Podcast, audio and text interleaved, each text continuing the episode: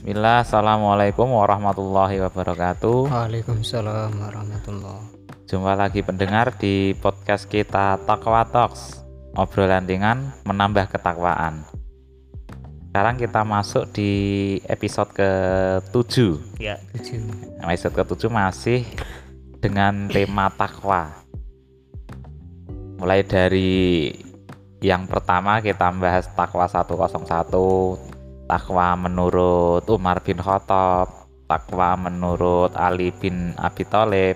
Nah, sekarang ini masih takwa menurut Ali bin Abi Thalib, tapi masuk ke poin 3. Karena kemarin kita membahasnya poin 1 dan 2, sekarang masuk ke poin 3.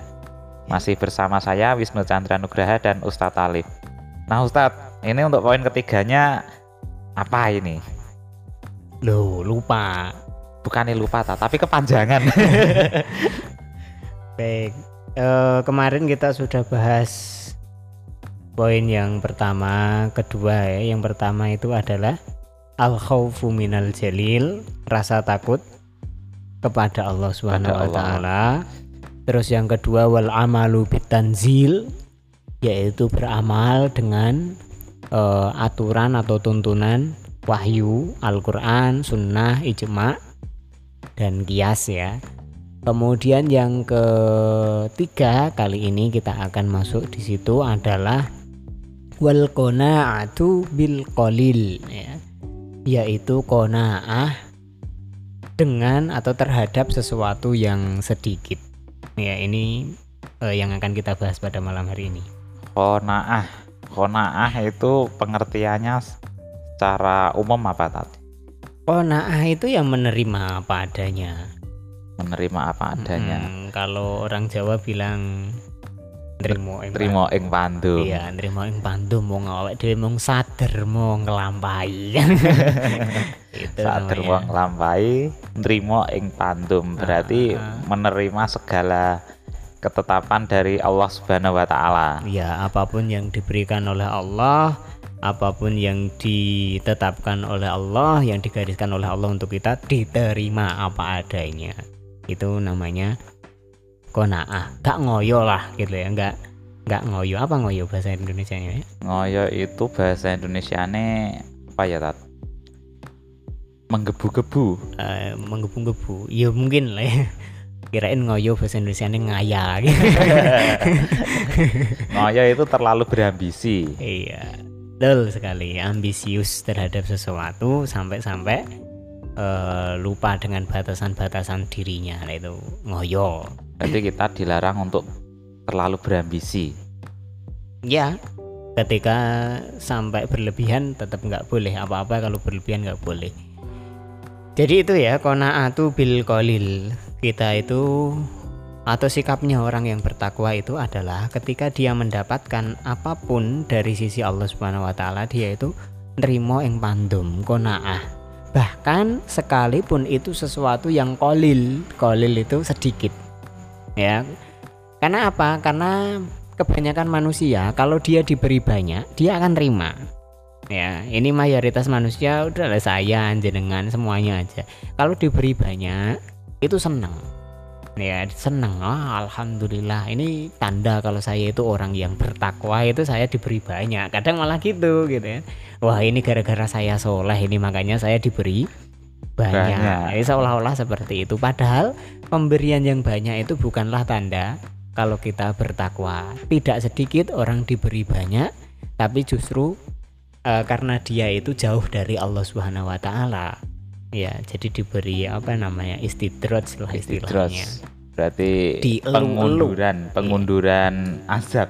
Iya, diberi banyak agar dia merasa dia itu aman, agar dia merasa kalau dia itu disayang, padahal itu agar dia terlena.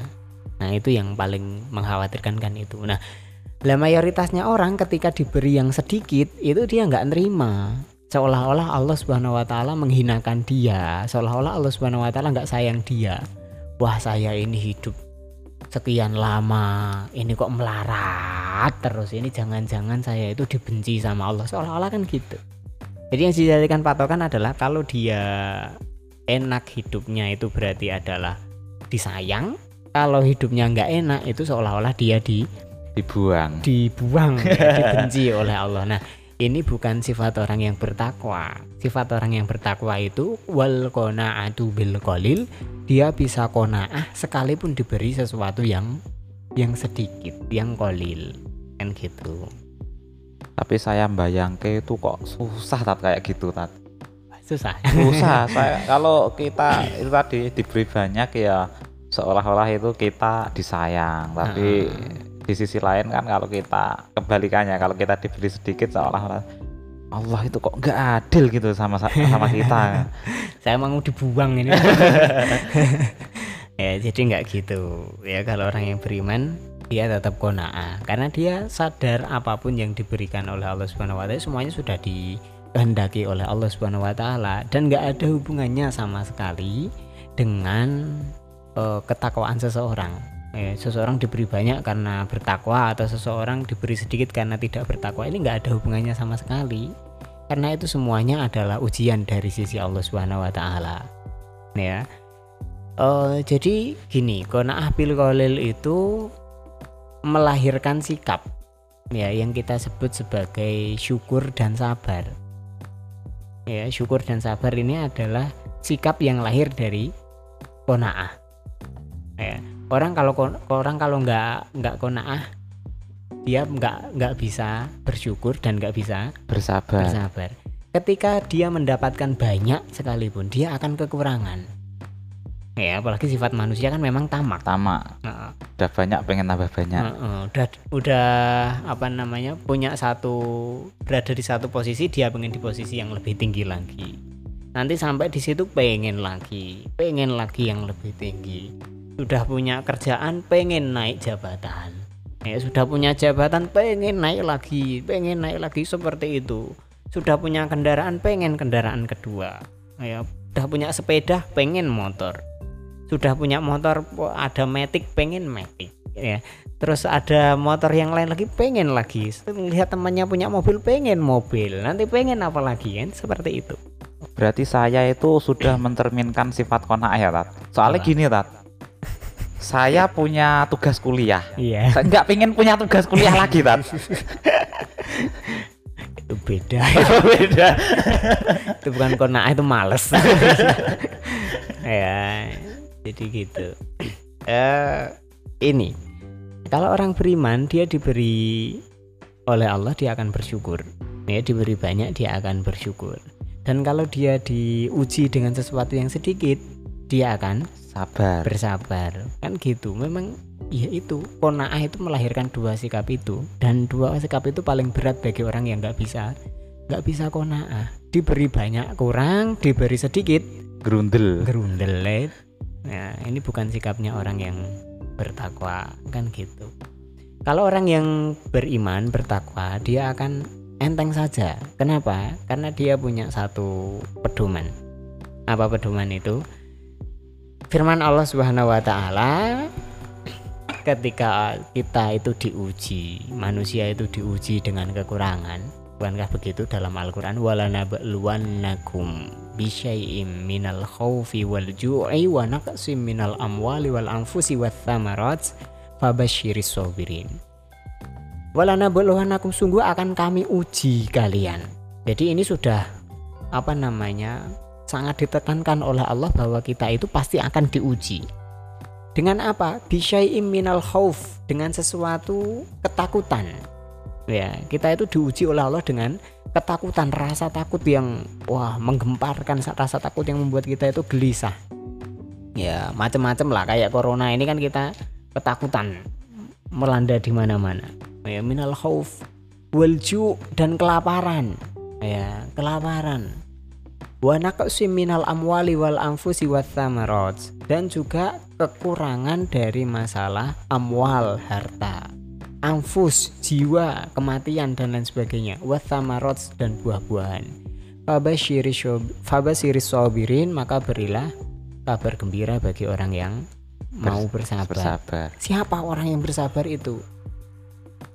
Orang yang bersabar adalah orang yang ketika dia ditimpa musibah, qalu inna lillah wa inna ilaihi rojiun. Ya yaitu orang yang sadar kalau sesungguhnya kami itu adalah kepunyaan Allah. Ya dan sesungguhnya kami akan kembali kepada Allah. Ya. jadi orang akan bisa orang yang beriman orang yang bertakwa itu dia bisa. Konaah kenapa karena dia sadar bahwa semuanya itu bersumber dari Allah dan kembalinya adalah kepada Allah. Jadi dia nggak punya apa-apa, bahkan tidak punya dirinya sendiri. Kalau orang tidak, orang sudah tahu bahwa dia itu tidak punya apa-apa dan tidak punya, tidak mempunyai dirinya sendiri, maka apa sih yang mau dia banggakan? Apa sih yang mau dia tamaki? Apa sih yang mau dia nggak nerimo itu apa? Sedangkan dia sendiri tidak punya dirinya sendiri. Ya semuanya adalah punya Allah, semuanya kembali kepada Allah. Kalau kesadaran itu sudah ada pada diri seseorang, maka dia akan lebih mudah untuk kona'ah. Nah, jadi seperti itu. Nah, lawan dari kona'ah itu sendiri apa, Tat? Lawan dari kona'ah ya nggak nerimo itu tadi. ya mungkin istilahnya adalah kufur. Kufur nikmat. nikmat. Ya, kufur nikmat. Udah diberi nikmat, dia masih nggak nyadar kalau itu dari Allah Subhanahu wa taala sehingga dia tidak bersyukur. Ya atau diberi sesuatu yang sedikit terus dia tidak bisa bersabar ya apa tidak bersabar berarti bukan kufur nikmat kufur musibah ya enggak juga intinya tetap kufurnya adalah kepada Allah Subhanahu wa taala cuman dalam bentuk uh, tidak bisa menerima musibah itu. Tapi kan musibah itu siapa yang ngirim kan gitu. Artinya kita nggak bisa nyalahkan musibah. Iya kan? Orang nggak bisa menyalahkan wah ini gara-gara musibah ini. Ya nggak bisa. Musibah itu adalah makhluk yang di diutus. Bukan dia datang sendiri. Ya. Wah saya mau menimpai si fulan. Ah kan enggak ya tapi karena dia diutus oleh diutus Allah. oleh Allah. Ya kamu sana ingatkan si fulan. Nah baru. Tapi musibah sama azab itu biasanya orang itu susah membedakan. Bukan susah tapi nggak mau membedakan. Nah, dia kena azab tapi nganggapnya wah kena musibah kuwi ya nggak apa-apa lah. Optimis saja ini Ya. ngomong-ngomong masalah kona'ah saya itu pernah dengar salah satu kisah sahabat terakhir Rasulullah. Hmm? namanya Abu Kilabah. Abu Kilabah. Abu Kilabah. Kenapa itu? Nah Abu Kilabah ini sosok yang paling kona'ah Tat, setahu saya. Mm-mm. Eh, waktu itu ada seorang musafir musafir yang haus dan kelaparan di tengah gurun pasir. Iya. Dia sedang mencari makan dan mencari tempat untuk berte- berteduh kebetulan waktu itu ada sebuah tenda dan musafir tadi masuk ke dalam tenda itu Mm. di tempat itu dia menemukan sosok laki-laki tua yang buta terus tangannya buntung kakinya buntung dan hanya bisa berbaring Mm-mm. lalu sang musafir tadi bertanya wahai wahai orang tua apakah engkau punya makanan dan air di sini sedangkan di sini keadaanku sangat kelaparan aku adalah seorang musafir. Lalu Abu Kilabah tadi menjawab, "Wahai sahabatku, sesungguhnya aku di sini dalam keadaan seperti ini. Aku buta, aku buntung dan tidak bisa melakukan apa-apa. Aku di sini bersama anakku.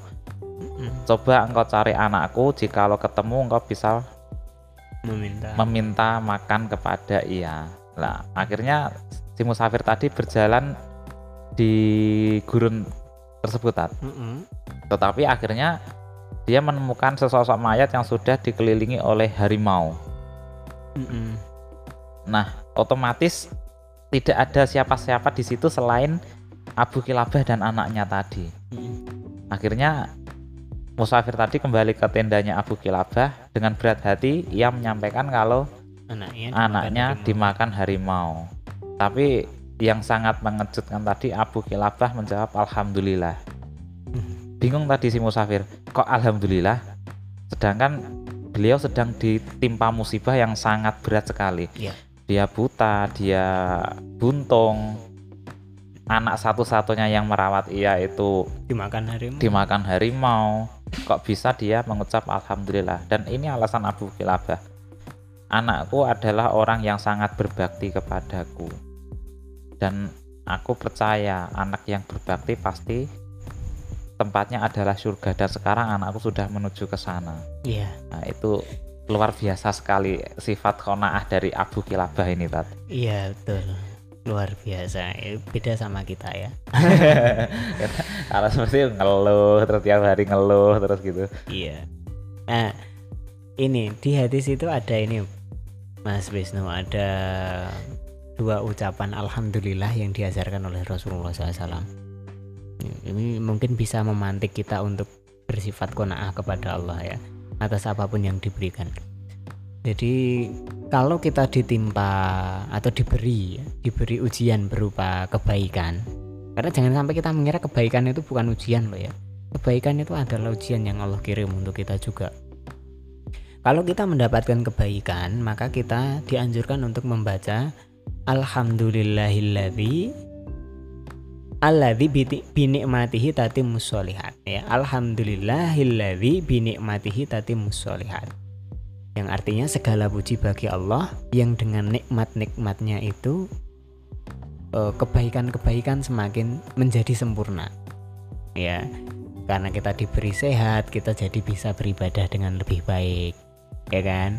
Kalau kita diberi harta kita jadi bisa berderma. Coba kalau nggak punya harta nggak bisa berderma.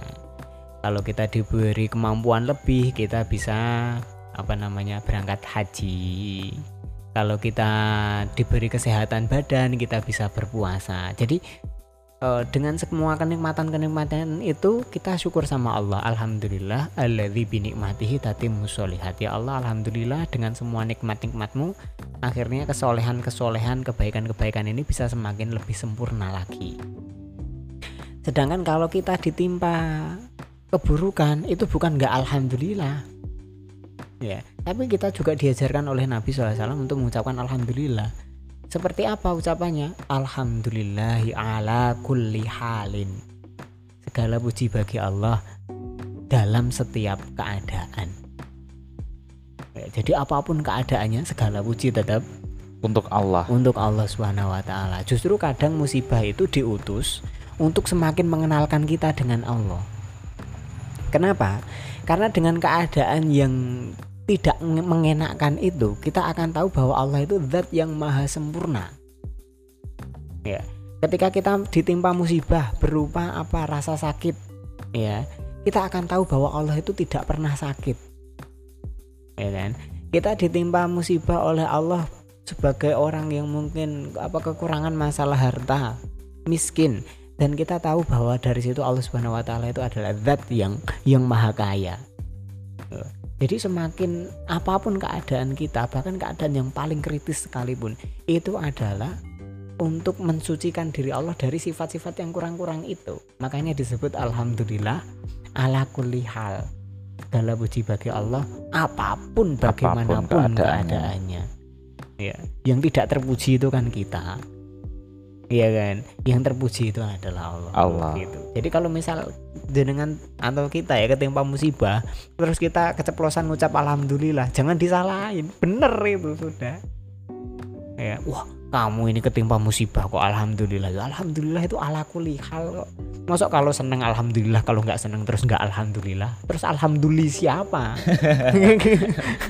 Ya kan tetap lillah, nggak mungkin li bupati atau li gubernur atau li camat kan nggak mungkin, tetap lillah. tetap lillah Nah ya tetap Allah. lillah. Alhamdulillah itu ya tetap lillah lillah segala puji hanya bagi Allah Subhanahu wa taala. Gitu. Oh iya, ini sebelum sebelum nanti ditutup ya, ada satu hadis yang saya eh, sangat hafal sekali. Ini hadis yang indah sekali. Jadi ada sahabat pernah bertanya kepada Nabi Shallallahu alaihi wasallam, "Ya Rasulullah, ya, Dulani ala amalin Berilah at- tunjukkan aku kepada satu amal Idza amel tuhu Ahabbani Allah wa ahabbayan ah- wa ahabbaniyan nas Ya Rasulullah Tunjukkan aku satu amalan Yang kalau aku mau melakukan amal itu Allah akan cinta sama aku.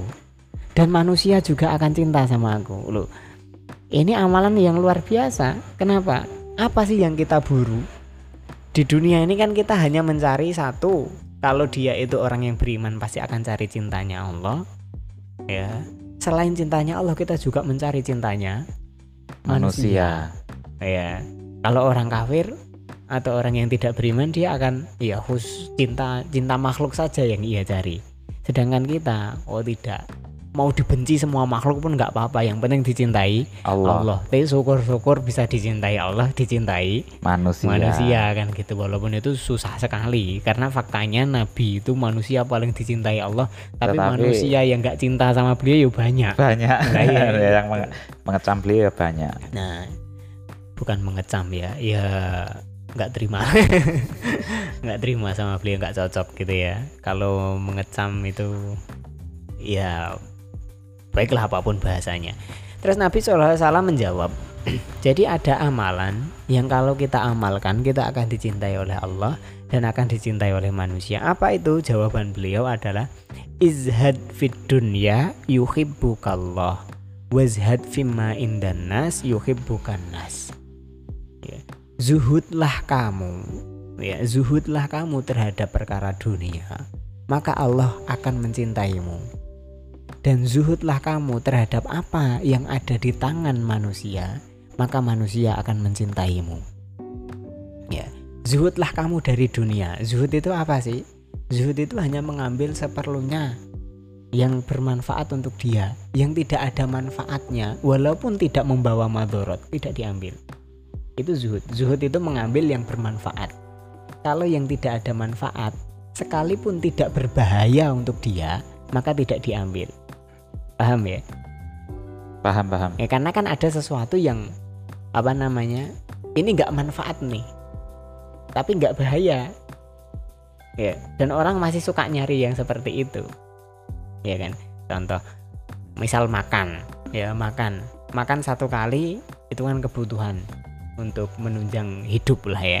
Makan kedua, makan ketiga, itu kan apa namanya? Tidak bermanfaat kan untuk dia. Manfaatnya apa coba? nggak nambahin umur juga tapi juga kan nggak berbahaya kecuali kalau berlebihan ya kan makan mindo lah istilah kita mindo tapi nggak ada nelu ya Aduh, makan yang kedua makan yang ketiga nyemil itu kan nggak ada bahayanya tapi juga nggak ada manfaatnya. Ya nah zuhud itu dia hanya mengambil yang bermanfaat. Kalau yang sudah nggak ada manfaatnya dia tinggalkan. Nah itu namanya zuhud. Zuhudlah kamu dari masalah dunia. Maka Allah akan cinta kamu. Ambil yang manfaat-manfaat saja. Yang nggak ada manfaatnya sekalipun tidak berbahaya nggak usah diambil. Maka Allah akan cinta sama kamu. Ya terus wazhad fi ma'in dan nas ya. Dan zuhudlah kamu terhadap apa yang ada di, di tangan manusia maka manusia akan mencintaimu. Maksudnya apa? Manusia itu eh, apa namanya? Biasanya paling dibenci dengan sesuatu yang dia miliki kalau diusik oleh orang lain. Itu sebaik-baik orang pun biasanya begitu. Misal ada orang minta tolong sama dia dan dia memang sosok yang penolong akan dia tolong satu kali besok orang itu minta tolong lagi dua kali. Besok orang itu minta tolong lagi tiga kali dia akan mulai jengah. Pertolongan yang keempat dia sudah bencinya luar biasa dengan orang itu. Kamu ini minta tolong terus gitu kan. Kayak gitu. Ada orang minta-minta satu kali dikasih. Alhamdulillah ini sarana sodako. Dua kali wah Alhamdulillah ini sunnah ini tiga kali Alhamdulillah. Oh, Masya Allah karunia dari Allah. Saya masih bisa memberi. Empat kali kamu ini suka minta-minta ya gitu. Ya. Jadi manusia itu tidak suka diusik dengan sesuatu yang ia miliki. Ini sudah ya tabiatnya gitu loh. Ya tabiatnya. Makanya wazhad fi ma'in danas ya, zuhudlah kamu dari apa yang dimiliki manusia. Jangan suka meminta jangan suka mengganggu mengusik dengan apa yang dimiliki orang maka orang akan mencintaimu nah ini betul sekali ya apa namanya nasihatnya Nabi Iya. Nah, ini kan ada kaitannya dengan kona'ah. Orang yang kona'ah dia akan zuhud dari masalah dunia. Ngapain sih? Ya, yang diambil ya yang dia butuhkan saja yang bermanfaat untuk akhirat. Kalau nggak ada manfaatnya, ngapain sih? kalau dia dapat yang sedikit dia bukannya protes malah alhamdulillah ini yang paling efektif efisien ya ini karena kalau lebih ini nanti masih mempersulit apa masih mempersulit hisap nanti ini kan gitu ya Ojo sugih-sugih. nggak efektif nggak efisien belum tentu kalau kaya terus mudah sodako padahal dari kekayaan itu disuruh mengeluarkan Sodako. sodako ya kalau kaya ya alhamdulillah semoga bisa sodako kan gitu Biasanya makin banyak itu makin pelit. iya iya tadi sifatnya manusia itu kalau apa pun yang ada di tangan dia itu dia nggak mau diusik kan gitu Lama. kan iya kalau dikasih tahu sodako satu kali dia mau sodako dua tiga sodako Ya, lama-lama kamu ini minta-minta terus kan ya jadi itu ya ini- Intinya zuhud nih, Tat. iya Zuhud perkara dunia. zuhud itu akan dicintai oleh Allah dan dicintai oleh manusia. Ya, dan itu tidak akan ada kecuali orang yang mau konaah nrimo ing ing Pandu. pandu. Ya, kayak saya kira itulah. Udah 25 menit ini. Oke, kita lanjutkan untuk sesi SST, surat sahabat takwa. Ini ada dua pertanyaan yang masuk, Tat. Alhamdulillah. Yang pertama dari Devi Oktaviani.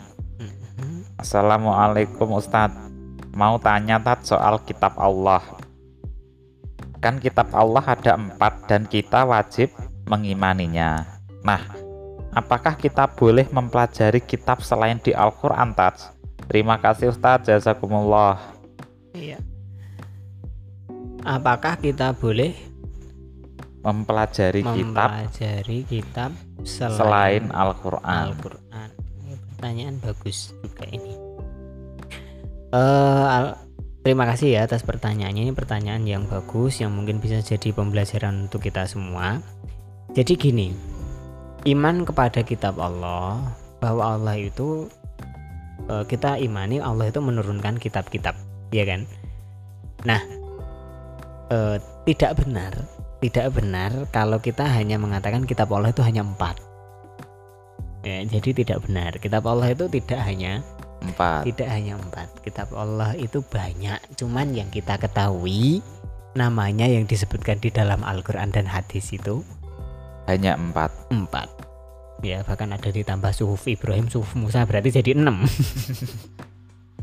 ya jadi kitabnya itu sangat banyak. Cuman itu tadi namanya saja yang kita ketahui empat. Sama kayak malaikat coba jumlah malaikat itu berapa? Jumlah malaikat yang kita ketahui 10 Namanya dan namanya tugasnya. dan tugasnya Tapi jumlahnya tak terhingga kan? Tak terhingga Heeh. So, Ya. Kalau hujan yang bawa pertetesnya tuh. pertetesnya satu malaikat lah itu hujan kalau satu kabupaten berapa itu? ya artinya banyak sekali gitu loh kitab pun sama cuman kitab tidak ter- bukan bukannya tidak terhingga ada kok ulama yang sampai membahasnya itu ya cuman ya itu tadi yang kita ketahui namanya adalah empat ya. Jadi jangan dipahami kitab Allah hanya menurunkan empat kitab. Salah kalau itu pemahamannya. Terus gini apakah apa hukumnya mempelajari kitab yang lain? Satu. Ya mempelajari kitab kitab Allah yang lain. Pada dasarnya boleh-boleh saja. Ya pada dasarnya boleh-boleh saja. Kenapa? Ya toh itu kitab Allah. Kan gitu. Ya cuman masalahnya adalah kitab-kitab yang diturunkan oleh Allah Subhanahu wa taala selain Al-Qur'an. Itu oleh Allah Subhanahu wa taala sendiri katakan bahwa itu tidak lepas dari distorsi. Apa distorsi? Distorsi itu yuharrifunal kalima amma wadhihi. Ya jadi dirubah satu perkataan dirubah sesuai dengan eh, keinginan atau hawa nafsu para pemuka agamanya ya jadi Taurat. Ya saya sebut aja merek wong memang disebutkan seperti itu di Al-Quran ya. Taurat Injil ya, Zabur, ini semuanya mengalami pengubahan-pengubahan. Artinya sudah tidak otentik. Ya sudah tidak otentik. Sudah tidak asli berarti. Sudah tidak asli. Itu bukan maaf ya bukan hanya Al-Quran saja yang menyebutkan seperti itu. Bukan hanya orang Islam saja yang menyebutkan seperti itu. Apa namanya? Ulama-ulama mereka atau bahasanya jangan ulama. Cendekiawan-cendekiawan mereka. Sejarawan-sejarawan mereka pun mengakui bahwa kitab mereka itu sudah mengalami distorsi mengalami perubahan-perubahan. Maka ketika kita mempelajari kitab yang lain itu pun ya. Apa yang kita pelajari kalau dia sudah banyak kepalsuan-kepalsuan? Kan gitu. Maka apa pun yang ada di Taurat itu, apa pun yang ada di Injil, apa pun yang ada di Zabur itu, akhirnya pun harus dibandingkan atau ditimbang dengan Al-Qur'an. Karena Al-Qur'an lah satu-satunya kitab yang Allah turunkan yang dijaga sampai hari kiamat nanti. Dari segala macam perubahan. Ya, jangankan mau perubahan kitab, baru salah nerjemah aja langsung ketahuan. Gitu ya. Jangankan perubahan kitab baca alhamdulillah dengan baca haknya panjang aja udah langsung wah ini orang nggak bisa baca Quran. Alhamdulillah guys. Gak itu baru ini. baru baru gara-gara haknya panjang itu. Ya itu sudah orang langsung wah ini jelas keliru kan gitu padahal hanya masalah pan panjang pendek pendek Ya, jadi Al-Qur'an satu-satunya kitab yang dijaga oleh Allah dan Allah Subhanahu wa taala sudah berjanji untuk itu. Ya, Inna nahnu nazzalna dzikra wa inna lahu lahafidun. Sesungguhnya kami telah menurunkan adzikra Al-Qur'an dan sesungguhnya kami juga lah yang akan menjaganya. Nah, ini. Jadi eh, ngapain mempelajari kitab yang sudah terkontaminasi, terdistorsi, terjadi perubahan-perubahan ya kalaupun misal mau mengkaji silahkan lah. Boleh boleh saja. Tapi itu tadi patokan kebenarannya tetap ada di Al-Quran. di Al-Quran. Ya di Al-Quran. Kemudian yang kedua ini bukan jawaban ya sebenarnya tapi lebih kerenungan untuk kita.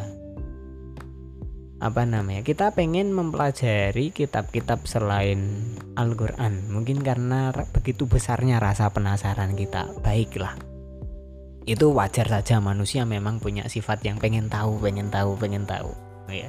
Ini pengen tahunya juga serakah juga sebenarnya manusia itu. Cuman gini coba untuk kita renungkan sudah seberapa banyakkah yang kita pelajari dari Al-Quran sampai kita itu kok pengen mempelajari sesuatu dari yang lain? Ini yang patut untuk direnungi sebenarnya memang sebuah renungan kali itu tat Iya. Kalau Al-Quran saja nggak nggak dibaca Iya. Ilmu yang ada di Al-Quran saja kita itu masih belum seberapa yang kita miliki. Masih belum seberapa yang kita renungi, masih belum seberapa yang kita pelajari. Kok sudah pengen mempelajari kitab yang lain itu apa kita nggak kurang kerjaan sebenarnya gitu loh. 10 surat saja kadang nggak hafal kok. ya, jadi itu itu saja untuk kita jadikan renungan. Sedangkan membaca Al-Qur'an saja tanpa paham itu sudah dapat pahala apalagi kalau kita mau mentadaburi mempelajarinya ya, luar biasa sekali pahalanya. Tapi kalau kita mempelajari Taurat, mempelajari Injil, mempelajari Zabur ini nggak ada jaminan pahalanya dari sisi Allah Subhanahu wa taala. Ya, Al-Qur'an baca saja tanpa paham itu sudah berpahala. berpahala Ya maka kalau kira-kira wah saya ini lagi mager nggak punya kegiatan positif. Baca Al-Quran lah gitu. Nanti udah jadi positif gitu. Paham nggak paham tetap dapat pahala kan gitu. Artinya ya inilah ini jadikan kita jadikan renungan. Ketika kita memang pengen penasaran oke lah nggak apa-apa. Ya ulama juga mengatakan boleh kok boleh asal kamu sudah tahu. Ah, bisa bisa mengetahui bahwa itu itu memang ada banyak distorsi di situ. Nggak apa-apa boleh belajar itu. Tapi coba renungkan. Kalau kitabmu sendiri yang kita jadikan way of life ya, pedoman dalam menjalani hidup itu saja masih belum seberapa yang kita pelajari kok pengen mempelajari yang lain? Ya itu aja. Kalau misal kita jadi anak SD baru pelajaran SD-nya saja masih belum paham kok pengen mempelajari pelajaran yang lain itu ngapain gitu ya? Aku pengen belajar bukunya kakak ah, yang sudah SMP SMA itu. Lah kamu paham nggak pelajaranmu? Ah aku capek pelajaran ini tuh nggak pinter-pinter aku. Kamu nggak bisa.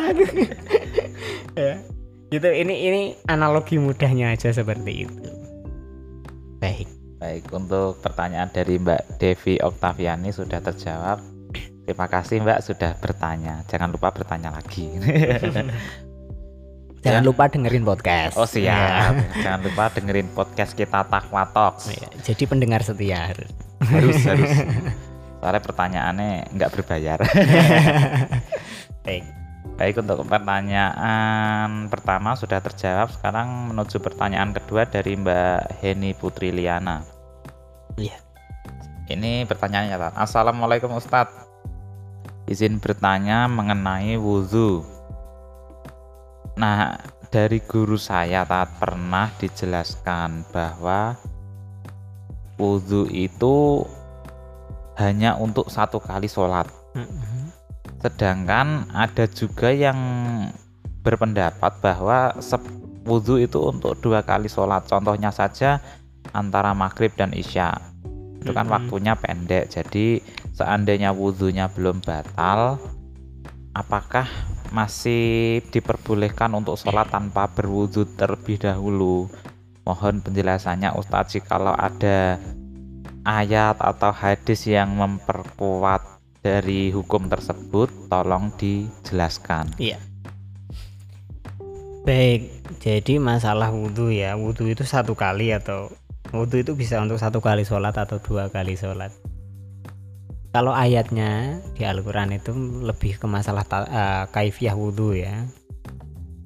Ya ayyuhalladzina amanu idza kumtum ila sholati faghsilu wujuhakum wa aydiyakum ilal marafiqi wamsahu bi ru'usikum wa arjulakum ilal ka'bain. Ya orang-orang yang beriman kalau kalian mau berdiri untuk melakukan sholat ya kamu mau sholat kamu harus wudhu gimana caranya ya eh faghsilu wujuhakum basuh wajah ya wa aidiakum milal marafiq tangan sampai ke siku. Terus wamsahu bi ru'usikum usaplah kepalamu. Wa arjulakum milal ka'bain dan basuhlah apa usaplah kakimu sampai ke mata kaki. Ini ini perintah wudhu yang ada di Al-Quran dan yang menjelaskan wudhu secara detail ya ini. Nah, masalah wudhu itu dipakai untuk satu kali sholat atau dua kali sholat atau lebih dari itu yang benar ya wudhu itu bisa dipakai berkali-kali selagi tidak batal ya karena keadaan seseorang yang sudah berwudu berarti dia sudah lepas dari hadas. Dan seseorang hanya apa namanya diperintahkan untuk berwudu ketika dia ber, Berhadas. berhadas, hadas kecil terutama. Karena kalau hadas besar bukan wudu lagi, mandi. Mandi. Jadi kalau sudah wudu, dia sudah suci dari hadas. Otomatis dia bisa sholat berkali-kali. Ya, berkali-kali selagi tidak Tidak batal batal. wudhunya. Jadi gitu. Perintah wudhu itu hanya ketika mau sholat. Ya. Eh, apa namanya? Sedangkan yang hanya satu kali itu tayamum. Kalau tayamum betul hanya untuk satu kali ibadah wajib. Ya, kamu tayamum untuk sholat maghrib, maka mau sholat isya harus tayamum lagi. Gitu. Hanya untuk satu kali ibadah wajib sudah tayamum sholat zuhur mau asar walaupun belum batal tayamum lagi ya. Tayamum lagi. Itu kalau tayamum. Kenapa? Karena tayamum ini kan tidak mengangkat sebenarnya. Tayamum itu tidak mengangkat hadas. Berbeda dengan wudhu ya. Kalau orang wudhu itu dia hadasnya diangkat. Artinya setelah diangkat dia jadi suci. Kalau orang tayamum tayamum itu dia tetap berhadas cuman diizinkan untuk sholat.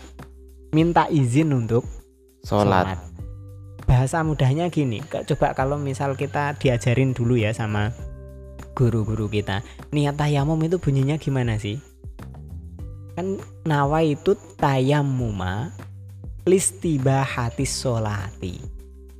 Ya. Ya Allah aku niat bertayamum. Untuk apa? Listibahatis sholati biar boleh sholat.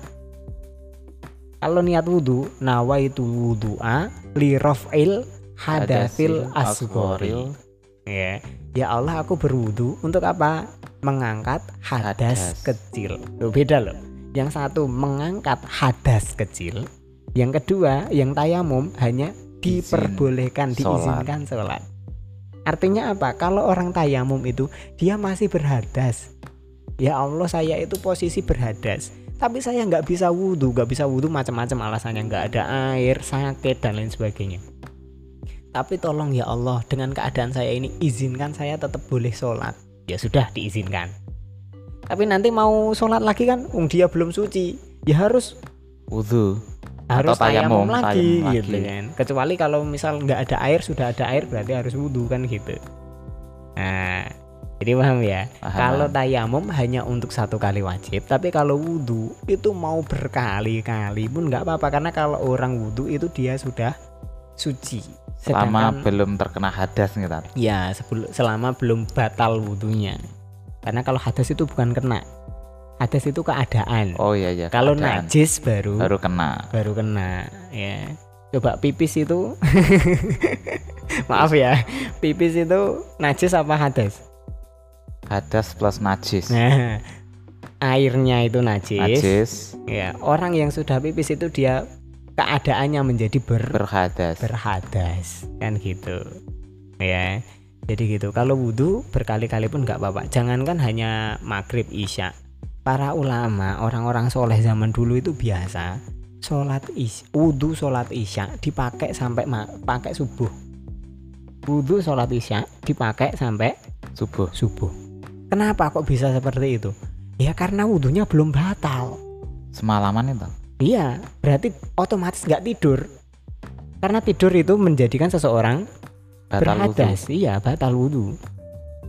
Nggak tidur, nggak kentut, nggak kencing, ya, nggak bersentuhan, nggak, pokoknya semua itulah ya yang membatalkan wudhu itu loh. Itu tidak dilakukan. Jadi dia wudhu sholat isya bisa sampai Subuh. subuh luar biasa. Ya bukan kok apa namanya Mobile Legend atau Free Fire gitu kan dari isya sampai Dari isya subuh. sampai subuh. Bukan. Tapi dipakai untuk amal soleh, untuk zikir, untuk fikir, untuk macam-macam sehingga dia sampai subuh pun belum batal wudhunya. Ini Iya. saya saya tambah pertanyaan ya, Tat. Iya boleh boleh. Eh, silakan. Tadi kan wudhu kan mengangkat hadas kecil. Iya. Ini saya hubungkan sama sholat Jumat. Mm-mm. Apakah kalau kita sudah mandi itu diperbolehkan untuk ti- tidak wudhu? Seandainya kan biasanya kan kalau kita sholat Jumat itu sunahnya mandi, Mm-mm. mandi besar ya. Nah di situ kan otomatis hadas kita terangkat, entah hadas Iya. besar, hadas kecil terangkat. Nah, Iya. Setelah mandi itu apakah kita diperbolehkan tidak berwudhu dan melaksanakan sholat Jumat? Baik. Jadi ini bahasanya lebih saya globalkan lagi. Apakah kalau orang mandi besar, ya kan, mandi dari hadas besar, mandi junub, ya kan, Ya, mandi biasanya kan, junub. itu nggak usah wudhu lagi, gitu kan? Nggih. Ya ini mau hari Jumat, mau selain hari Jumat, pokoknya kan itu yang dimaksud. Baik. Kalau mandinya memang niatnya mandi junub, ya niatnya memang mandi junub dan selama mandi tidak melakukan pembatal wudhu, maka dia tidak usah berwudhu lagi, sudah sah, sudah suci dia. Ya, jadi satu tadi apa? Ketika mandi dia berniat untuk mandi besar, mandi jinabat dan apa namanya? Tidak melakukan dalam dalam proses mandi tidak melakukan hal-hal yang membatalkan wudhu maka dia tidak perlu berwudhu sudah sah sudah suci. Ya. Tapi kalau mandinya hanya mandi seger-seger saja kan niat kan sangat mempengaruhi loh ya. Iya, niat itu sangat mempengaruhi. Sama-sama mandi tapi kalau tidak niat mengangkat hadas besar ya nggak jadi nggak jadi mandi besar ya jangan dikira asal mandi gebiur gebiur gebiur otomatis terus langsung sudah terangkat hadasnya. Tidak. Niatnya harus mengangkat hadas besar. Kalau niatnya tidak ya otomatis kalau dia nggak wudhu ya nggak sah. Ya kalau dia nggak wudhu ya nggak sah. Atau dia sudah niat tapi di tengah-tengah itu melakukan pembatal wudhu ya sama aja. Di tengah-tengah kentut di tengah-tengah mandi pipis ya. Di tengah-tengah mandi dia memegang maaf kemaluan. Karena memegang kemaluan itu juga membatalkan Wudhu. wudhu atau memegang maaf lubang belakang. Oh iya. entah apa perlunya pokoknya dia pegang gitu kan. Dia sentuh ya. Dan lain sebagainya. Sehingga batallah wudhunya ya dia harus wudhu dong. Jadi gitu ya. Ini mau Jumat mau selain Jumat. Pokoknya tadi syaratnya adalah satu niatnya itu mandi besar mandi mengangkat hadas besar yang kedua tidak melakukan pembatal wudhu. wudhu ya itu aja syaratnya Oke, cukup tat sudah terjawab. Alhamdulillah. Sebenarnya ini ada pertanyaan titipan yang Berarti ngirim. tambahan ya. Ya sebenarnya nggak usah ditambahkan juga nggak apa-apa sih. ini tambahan yang di- dikirimkan oleh istri, tapi mungkin entah orang lain yang tanya. Tapi pertanyaannya karena sudah kita jawab, Mas. Ya, jadi pertanyaannya adalah mengingat hari besok adalah hari Natal. Ini kita rekaman tanggal 24 ya. Bolehkah orang Islam mengucapkan selamat Natal kepada temannya yang beragama Nasrani? Ya, pertanyaan ini sudah kita jawab di podcast sebelumnya. Podcast episode ke-6 Episode ke-6 walaupun belum sempat belum di sempat di-upload. Tapi insya Allah nanti setelah ketika ini update ya, yang ke-6 juga sudah diupdate ya. Besok lah ya, besok tinggal dipantengin aja. Tapi eh, ngomong-ngomong coba jenengan masih ingat nggak apa hukumnya? Hukumnya tidak diperbolehkan Tidak diperbolehkan ya. Kenapa, Mbak? karena lakum dinukum waliyadin. Iya. Batasan dari toleransi itu adalah menghargai dia untuk melakukan apa namanya peribadahannya ya tapi tanpa meridhoi ya tanpa meridhoi. Sebenarnya ada juga sih ulama yang mengatakan boleh ya kita nggak boleh tutup tutupi itu. Ulama eh, yang mengatakan boleh-boleh saja asalkan hanya sekedar basa-basi. Asalkan hanya sekedar apa namanya ya apa sih Eh, saling saling ramah tamah aja lah gitu saling ramah tamah aja. Tapi ya nggak boleh-boleh banget makruh lebih tepatnya. Asli- artinya kalau misal bisa ditinggalkan nggak usahlah selamat-selamat itu. Ya nggak usahlah selamat-selamat itu. Kenapa? Karena basa-basi itu kadang juga bisa berpengaruh dengan keimanan. Keimanan, Iya, ketauhidan. iya. Misalnya kemarin kan kita bahas eh, bahwa hari Natal itu adalah hari kelahiran eh, anak Tuhan kan Anak gitu Tuhan. ya ya iya Nabi Isa atau Yesus sebagai menurut tanggapan mereka adalah anak Tuhan. Kan sama aja kayak kita mengatakan ya selamat ya atas kelahiran anak Tuhanmu kan gitu kan? Berarti Tuhanmu memang ada kan gitu. Otomatis iya. eh, kita meyakini kalau Tuhan dari iya se- seolah-olah ya, Tuhan itu seolah-olah punya punya anak ya. dan itu kan bertentangan dengan akidah kita. Walaupun orang lain punya pemahaman seperti itu ya lakum dinukum waliyadin ya kan? Eh, agamamu agamamu agamaku agamaku. Yang penting urusan dunia kita baik tapi masalah akidah ya ya inilah keyakinan kita memang berbeda-beda kan gitu. Jadi ya tadilah paling paling proporsional sebisa mungkin kalau bisa dihindari ya dihindari. Ya. Tapi gini Tat, ini ada yang pernah tanya sama saya tapi saya nggak bisa jawab. Mm-mm, masalah apa ya pekerjaan juga. mm-mm. Jadi teman saya itu kerjanya membuat kue, kue tart. Mm-mm. Nah, yang mesen itu tadi non muslim. Iya. Saat pesen tadi request, Mbak nanti di atas kuenya dibentuk gambar salib. Iya. Nah, teman saya bingung tat. Itu gimana? Harus dibuat ke atau ditolak? Iya. Eh itu dia ini sendiri ya. Perusahaannya dia sendiri. iya, yang buat dia sendiri. Tapi kan profesional apa pelayanan pelanggan gitu tat. Iya Jadi sih. bingung. Ya nggak boleh sebenarnya kan gitu. itu buat acara kayak keagamaan gitu ya. Iya, Ya nggak boleh lah. Nggak boleh karena apa namanya?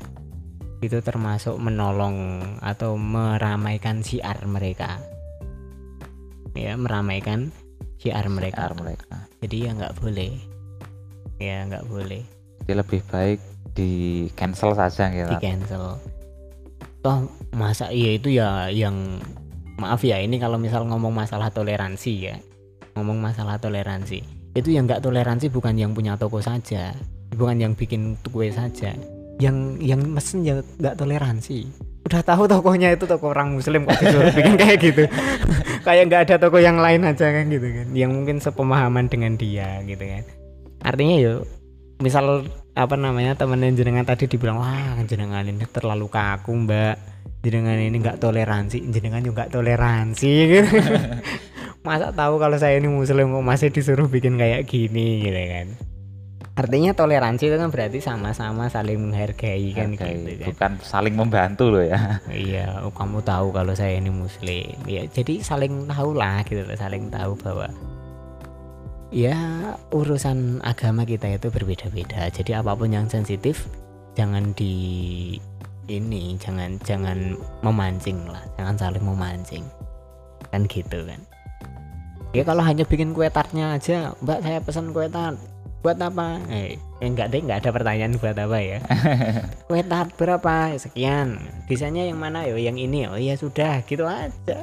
Nanti masalah mau ditambahi salah mau tambahi apa saya ditambahi sama sana sendiri kan enggak yang penting bukan kita yang Iya. membuat. Iya dan kita juga nggak ada itu tadi unsur membantu kan.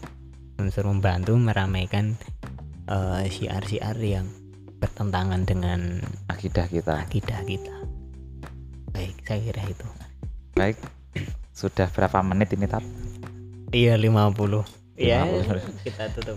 Ya alhamdulillah untuk podcast kita episode 7 ini cukup seru juga pembahasannya untuk teman-teman yang ingin titip pertanyaan berbagi cerita atau sekedar sharing bisa lewat SST surat sahabat takwa. Mulai dari WhatsApp, Instagram maupun Google Form yang tertera di link di bawah ini. Baik, kita tutup mawon kita ya silakan untuk episode 7 ini kita tutup Mm-mm, tetap Kurang- dengarkan podcast kami Takwa Talks obrolan ringan menambah ketakwaan. wassalamualaikum Wassalamualaikum warahmatullahi warahmatullahi wabarakatuh. wabarakatuh